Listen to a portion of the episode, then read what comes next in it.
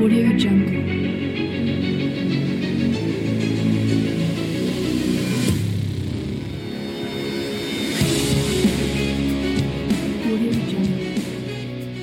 Hejsan! God fortsättning på er och Eh, gott nytt år önskar jag och Peter i Peter, Paul och eh, Motor. Man skulle ju kunna tro här att vi sitter med cigarrer och en god konjak eller någonting sådant, men eh, så trevligt har vi inte Peter.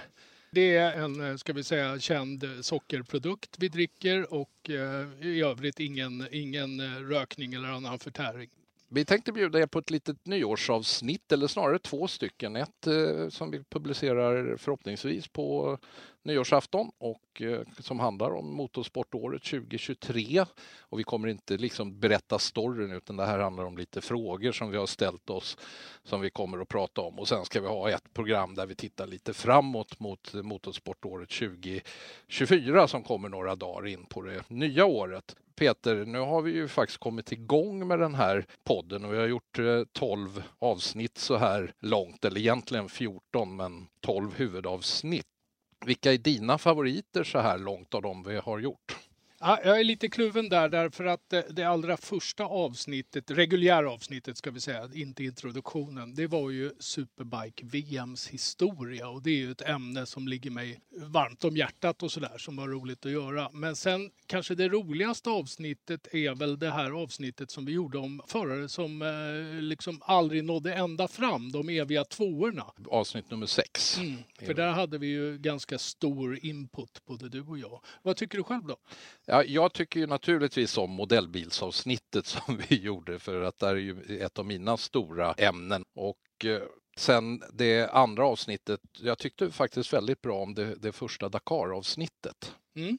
Det var ett Med avsnitt jag Dakars historia. Ja, med Dakars historia. Det, det andra blev lite tyngre så att säga, för det blev väldigt mycket information staplat på varandra. Men eh, det första avsnittet var en, en rolig inledning. Kan bero på att jag inte var så hemma på just historien. Jag fick ju läsa på ganska mycket inför, inför det avsnittet för att kunna göra det. Ja, jag hade lite mer eftersom vi hade gjort åtminstone motorcykeldelen i eh, våra tidningar tidigare. Så- Ja, och så- du har ju kommenterat Dakar dessutom. Ja. eh, När vi fortfarande fick göra det på svenska på Eurosport. Men det, det är lite om våra favoritavsnitt så här långt. Eh, Men innan vi kör igång och tittar på motorsportåret eh, 2023, Peter, hur får man tag på oss? Då kan man mejla till Peter, Paul och Motor ihopskrivet i ett enda långt ord at gmail.com. Men eh, låt oss börja med att titta lite på vad som har hänt eh, under året och vad vi känner inför det.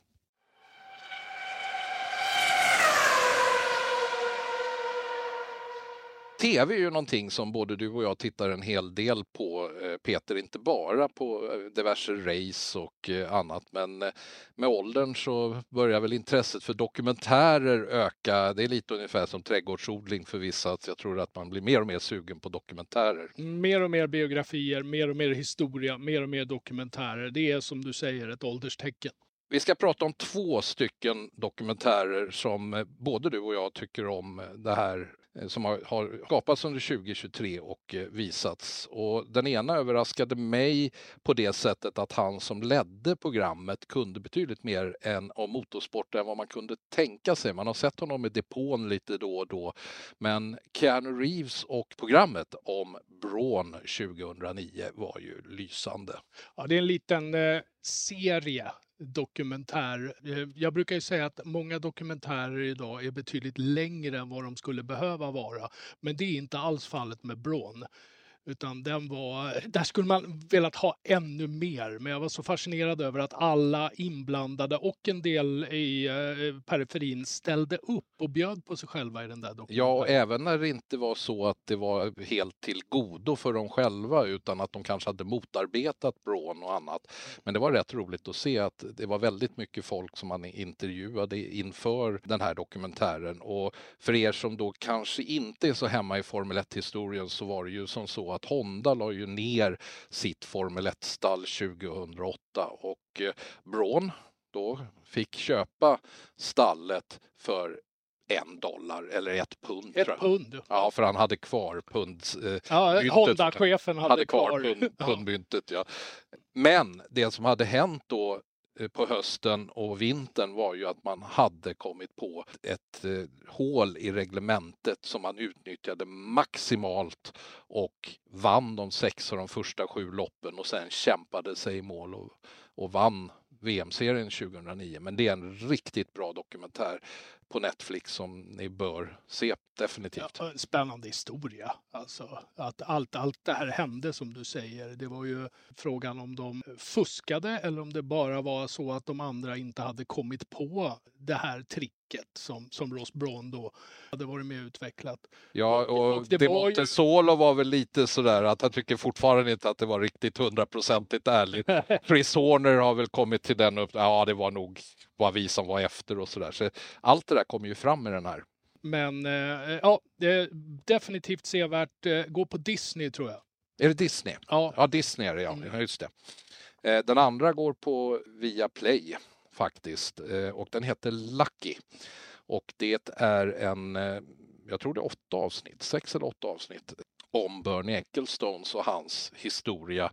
Och med tanke på att Bernie nu är en bit över 90 så han var på det första Formel 1-racet 1950 och tittade och har varit inblandad i sporten sedan slutet av 50-talet någon gång och eh, fram till 2017, 2018 någonstans när han fick avgå som ordförande när Liberty tog över. Men eh, det är en väldigt, väldigt bra dokumentär, men inte för den som inte tittar eller som är så djup. Men är man djupt intresserad av motorsport så är det fantastiskt med eh, bilder och Eh, annat. Så att, eh, men det är en inter- lång intervju egentligen med Bernie Ecclestone och han får stå emot, oemotsagd i den här. det han är ju med i båda dokumentärerna som vi pratade om, vilket är också intressant därför att han var ju egentligen antagonist i Braun-dokumentären men ställer ändå upp och svarar på frågor och berättar sin version av, av det som hände då. I, i Viaplays serie, där är det eh, han som berättar sin version, som du säger. Mm, men den är väl värd de sex timmar eller någonting sånt som den är. Men det är lite om vad man kan ha sett på tv under året. Och sen, eh, det är aldrig fel heller om man är då kanske inte lika djupt insyltad men ändå intresserad av Formel 1 att titta på Drive to Survive. Ja, det är rätt roligt för man har ändå kommit mm, förarna närmare på ett sätt som man inte har varit tidigare. Så att eh, där har ni lite, några timmar att eh, ägna tv-tittande åt eh, de närmaste veckorna om ni har lust. För snart så kommer ju då nästa säsong av Drive to Survive.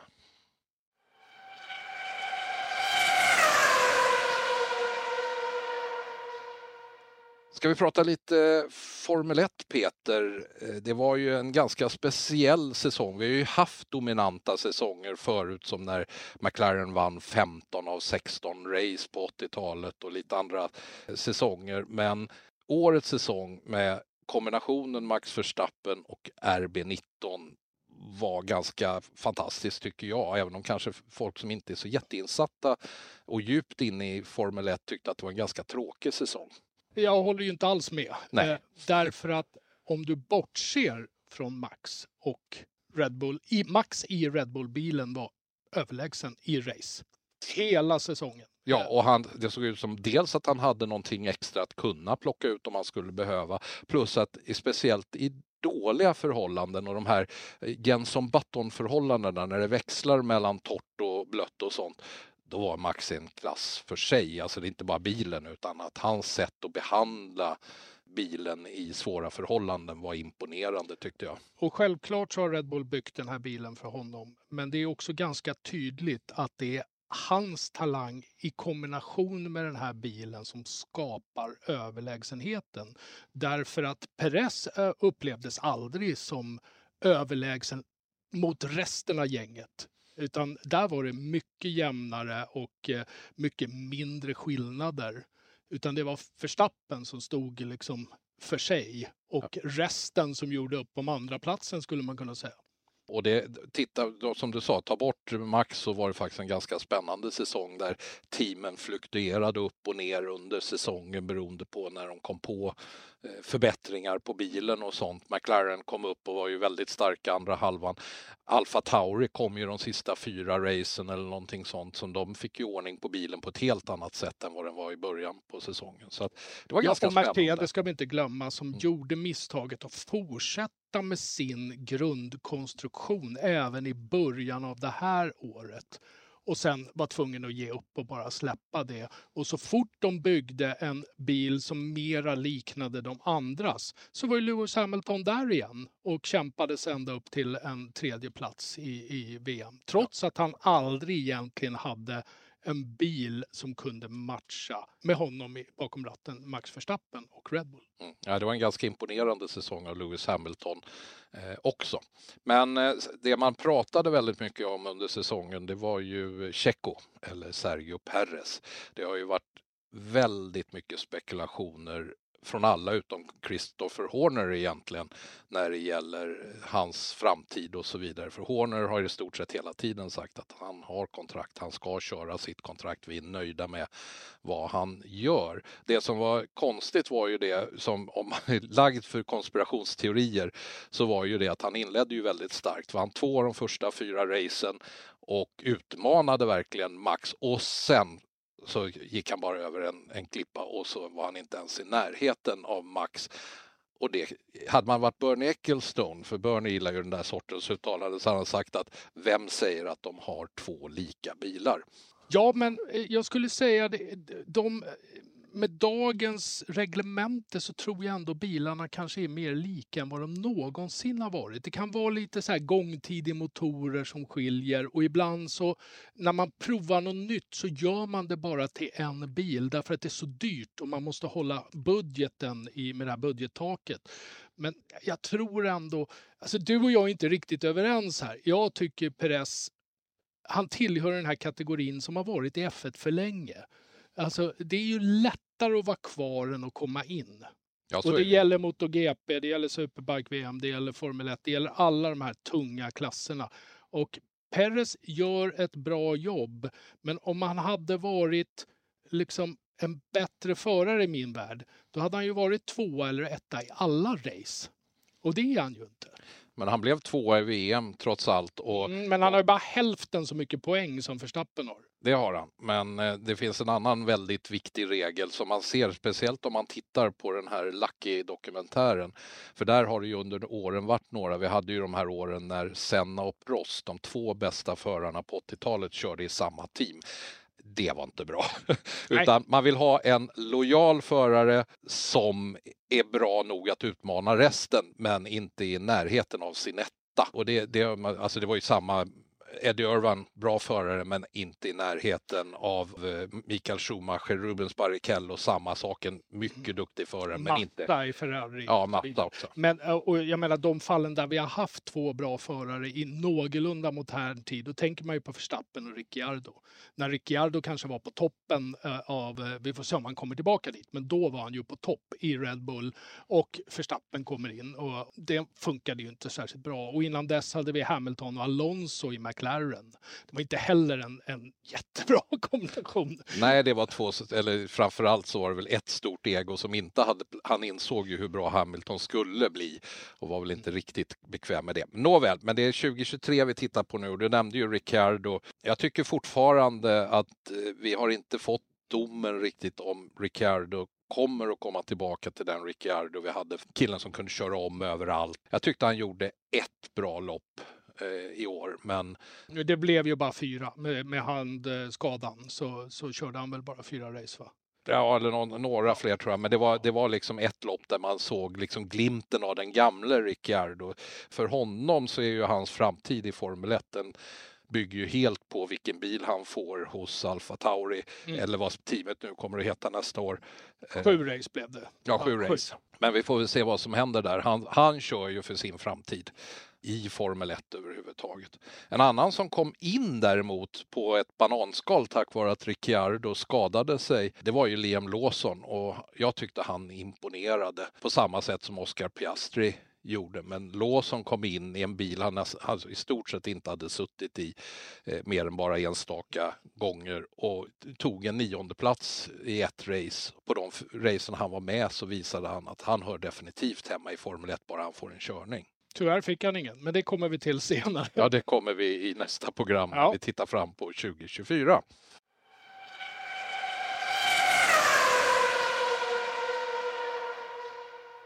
Men vi, måste ju prata om eh, den stora svenskserien i Formel Racing också, Peter.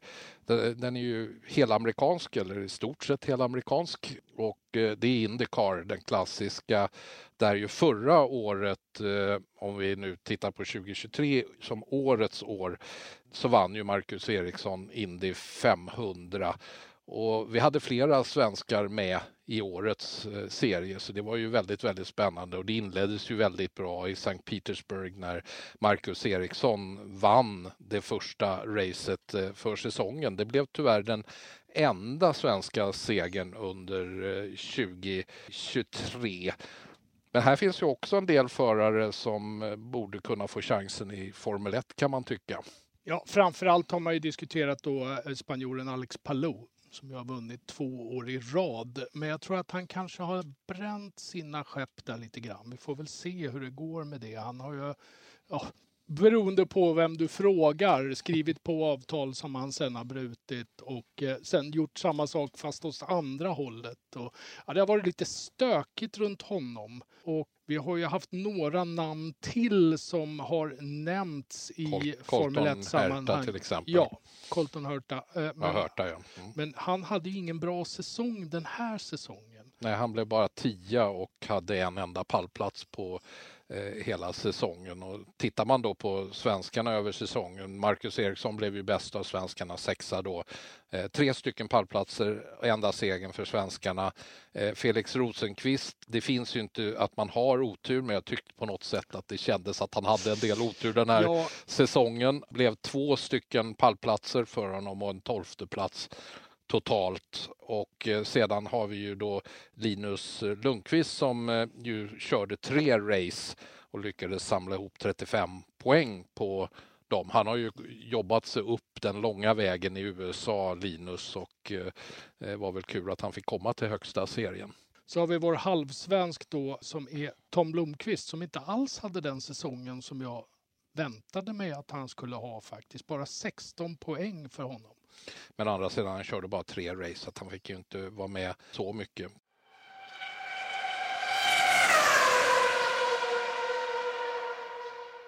Ja, Formel E ska vi inte gå in så väldigt mycket på. Det kan ni lyssna på avsnitt eh, nummer sju. Men två saker om, om 2023 års säsong, Peter. Nick Cassidy och Mitch Evans bytte segrar med varandra, fyra stycken var båda med Jaguar-motor eh, i bilen. Även körde för Jaguar-teamet. Men det var Jake Dennis som tog hem mästerskapet med en av dina stora käpphästar i racingsammanhang. Jämnhet vinner.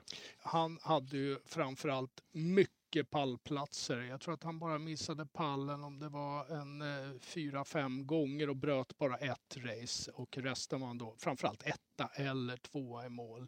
Och som du sa, Nick Cassidy och Mitch Evans som båda körde med Jaguar-drivlina, de tog poäng av varandra. Det var också lite utmärkande för eh, den här säsongen med Gen 3-bilen då att eh, det var två stycken konstruktörer i mästerskapet, det vill säga Porsche och Jaguar som hade två team vardera som egentligen slogs om mästerskapet. Så att det är om eh, Formel E 2023.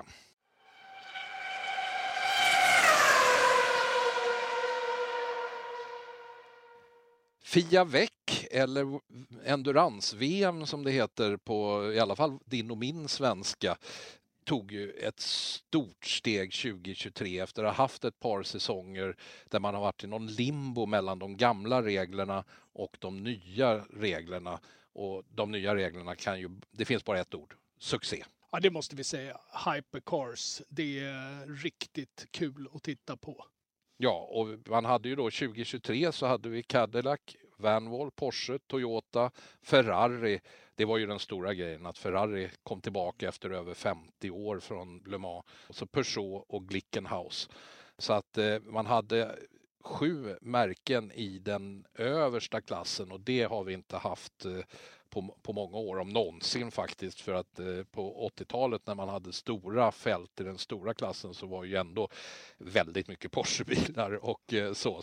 Det är väl det som att säga att Endurance-VM har fått ett helt annat liv än vad det har haft de senaste åren. Och det vi kunde konstatera vad det gäller VM-serien var ju att Toyota ändå tjänade på att de har legat kvar i serien och eh, så att säga utvecklat sin hypercar gradvis med tävling. Och sen så det andra som var, för, men då måste man vara intresserad av endurance-VM, men, men det var ju då den här, eh, det som kallas balance of performance.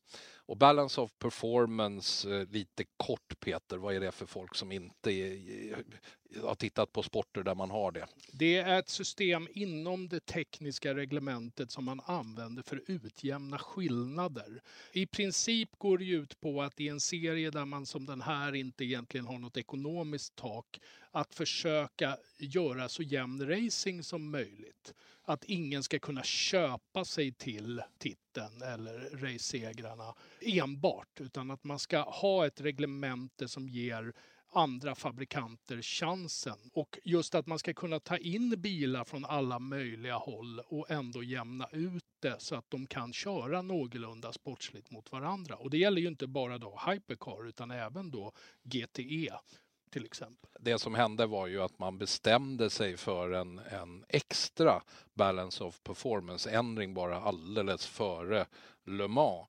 Och eh, för er som då inte såg Le Mans så vann Ferrari, kom tillbaka och vann. Så sportsligt så var det en, en stor succé. Men när man då tittar på den här boppen som, då, som vi kallar den skedde. Toyota vann alla de övriga loppen i årets VM-serie utom det här där man hade fått då 13 kilo extra att släpa runt på jämfört med Ferrarin. Det, kan inte låta, det låter inte så mycket men det är ganska mycket i de här sammanhangen. För Ferrari sen i övriga serien hade bara två andra platser och tre tredjeplatser totalt på av 14 möjliga. Så att den, den luktade lite så här fransk motorsport.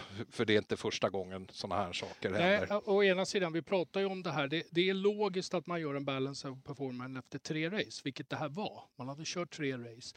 Men teamen var inte med på den här ändringen. Och det är inte schysst, utan här måste man ju eh, faktiskt eh, samverka för att det inte ska bli, bli sura miner. Och sånt eftersnack som vi just nu ägnar sig åt. Jag kan ju säga 13 kilo runt Le Mans som är en lång bana, jag skulle säga att det är nog uppåt en tre tiondelar. Vilket kan vara ganska mycket under lång tid. Men för sporten så var det fantastiskt att Ferrari tog hem årets Le Mans. Inget snack om saken och det bygger ett intresse inför nästa säsong som, eh, som ser ut att bli riktigt, riktigt spännande. Men det får ni reda på lite mer om i nästa avsnitt.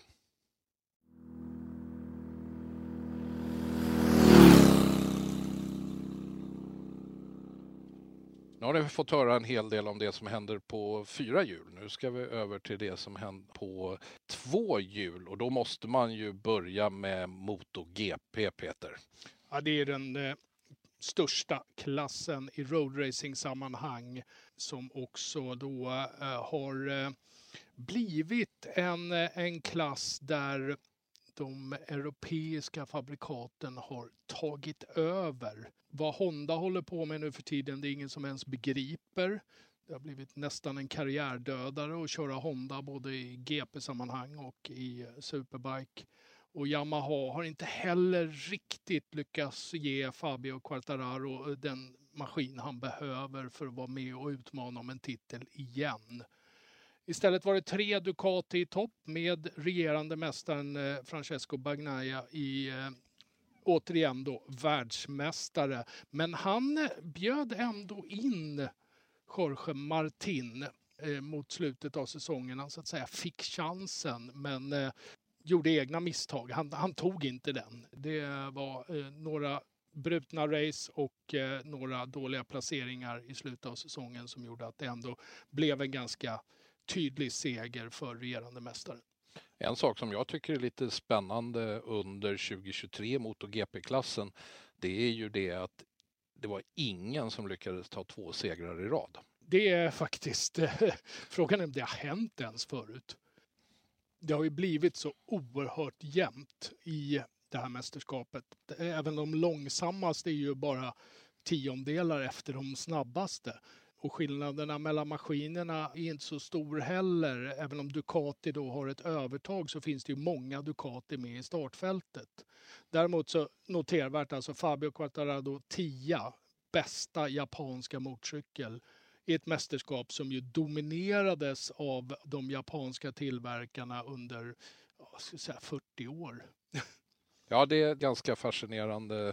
Utan allt innan där är Ducati, KTM och Aprilia. Så att eh, tionde plats för japanska cyklar, det är väl någonting. Så frågan är hur länge de kommer att acceptera det och innan man försöker göra en satsning för att ta tillbaka den där tronen.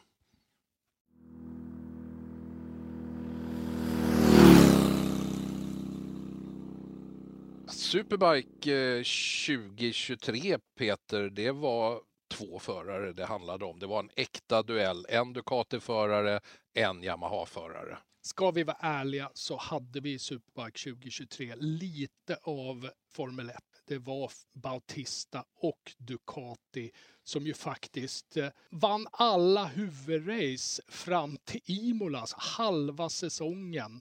Och eh, det var inte många race som han inte vann, utan framförallt de långa racen. Man kör ju två långa race och ett sprintrace numera i Superbike-sammanhang för er som inte följer det. Och eh, de långa racen, där var han ju överlägsen den här säsongen. Du tänker på Toprak Raskatlioglu då som på Yamaha var den som i första hand utmanade och han är oerhört snabb, han är oerhört jämn, han var på pallen alla race utom ett som han inte bröt och han bröt bara två race tror jag. Så att eh, han utmanade ju definitivt men ändå med alla segrar så var VM avgjort med en tävling kvar att köra. Sen var det bara två andra som lyckades vinna. Det var Rea och eh, Rinaldi som eh, tog en hitseger också. Men så det är bara fyra förare som tar hitsegrar i en väldigt lång säsong. Och det är en lite intressant diskussion där. Vi hade den i Formel 1 att det är kombinationen här skulle jag vilja säga, förare och maskin, som leder till den här dominansen. För att tittar man på de andra Ducati-föraren så är den andra fabriks-Ducatin bara femma i VM med Rinaldi och sen har du Bassani och Petrucci närmast efter. Så att eh, där har du ju då flera tunga namn, bland annat två Yamaha framför.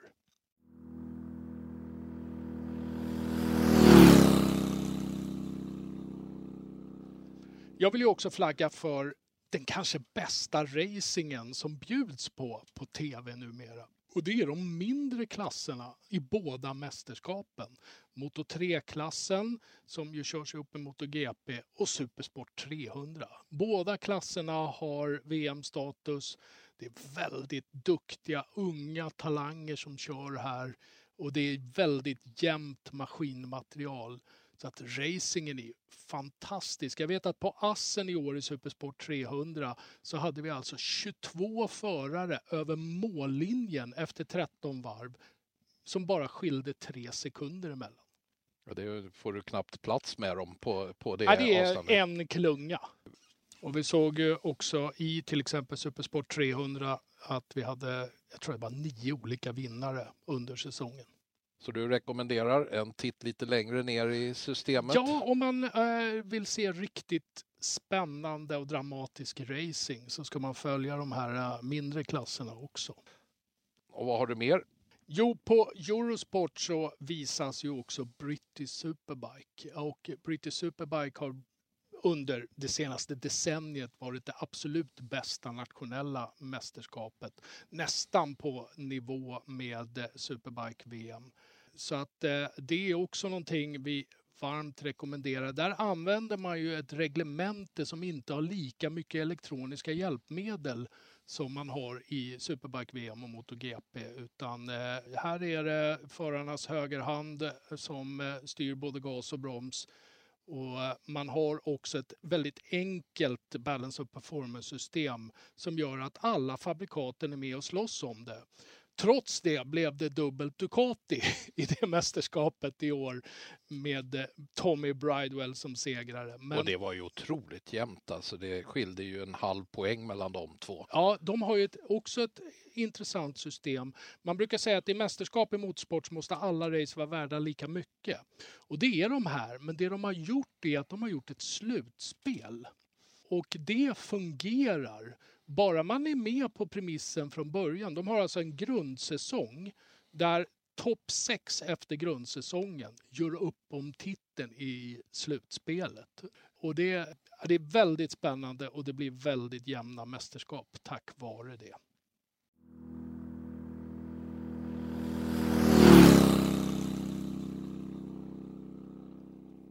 Det är ju några få länder som intresserar sig för speedway, men det är väl nästan den svenskaste av alla motorsporter. Det är en bruksortssport och eh, det finns alltid någon svensk med i världstoppen, så även 2023. Ja, vi hade ju Fredrik Lindgren som faktiskt på allvar utmanade Bartosz Marslik eh, den här säsongen och var bara åtta poäng ifrån i slutändan. Men ändå så var det Bartosz som hade, ska vi säga, kommandot över säsongen. Ja, han vann ju dessutom då fem tävlingar mot Fredriks en, så det är ju egentligen inget snack om saken att det var en värdig världsmästare, även om det bara skilde åtta poäng dem emellan på slutet. Ja, och vi ska ju också säga det att det som gav Fredrik chansen i slutändan var ju en lite märklig diskning. Eh, märkligt att Smarslik eh, drog sig på den faktiskt. Jag tycker att straffet var hårt, men det var ändå Barto som gjorde misstaget. Han åkte träningen i fel utrustning, alltså med fel kläder. Man ska ha eh, vissa sponsormärken och grejer på. Och då blev han utesluten från hela tävlingen. Det tyckte jag var lite hårt. Jag tycker, det, självklart ska han straffas, men det borde ha varit monetärt eller något tycker jag snarare än att, att man eh, säger att nej, du får inte vara med och åka. Men tittar man mer på VM-serien så Leon Madsen, dansken, blev femma. Han har ju varit mycket på EM och sånt ett antal år, väldigt duktig, men visar att han även håller på den här liksom absolut högsta nivån. Och sen Kim Nilsson som ju har kommenterat på eh, Discovery och Eurosport blev ju trettonde i eh, den här eh, VM-serien och gjorde ju ett väldigt bra resultat i Tyskland när han körde in 14 poäng i den. Det är väl lite om eh, speedway. Jo, vi måste ju naturligtvis när det handlar om speedway så får vi ju faktiskt inte glömma bort att vi har ju fått en eh, svensk världsmästare i speedway i år i eh, U16 eller det som heter SPG3 för förare upp till 16 år där Rasmus Karlsson som precis kvalade in till VM-finalen. Men eh, i Målilla på Skrotfrag Arena så körde han som, ja, inte som en gud, men han körde ju allra, allra bäst och jag fick ju nöjet, jag fick ju kommentera en speedway-tävling förra året och det var just den här U16 VM-finalen. Så vi fick ju, från Kumla kommer han förresten, så att han kör för Indianerna och Rasmus Karlsson alltså, världsmästare U16. Det bådar ju gott för svensk eh, speedways framtid också.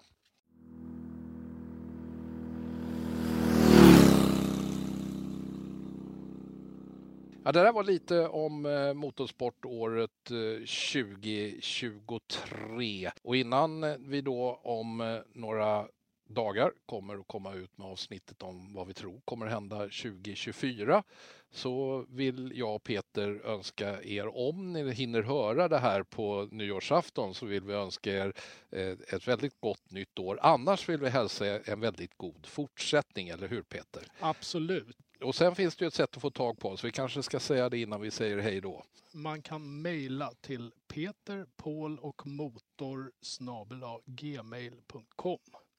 Och med det så tackar vi för 2023 och hoppas att ni kommer att fortsätta lyssna på oss under 2024. Hej då!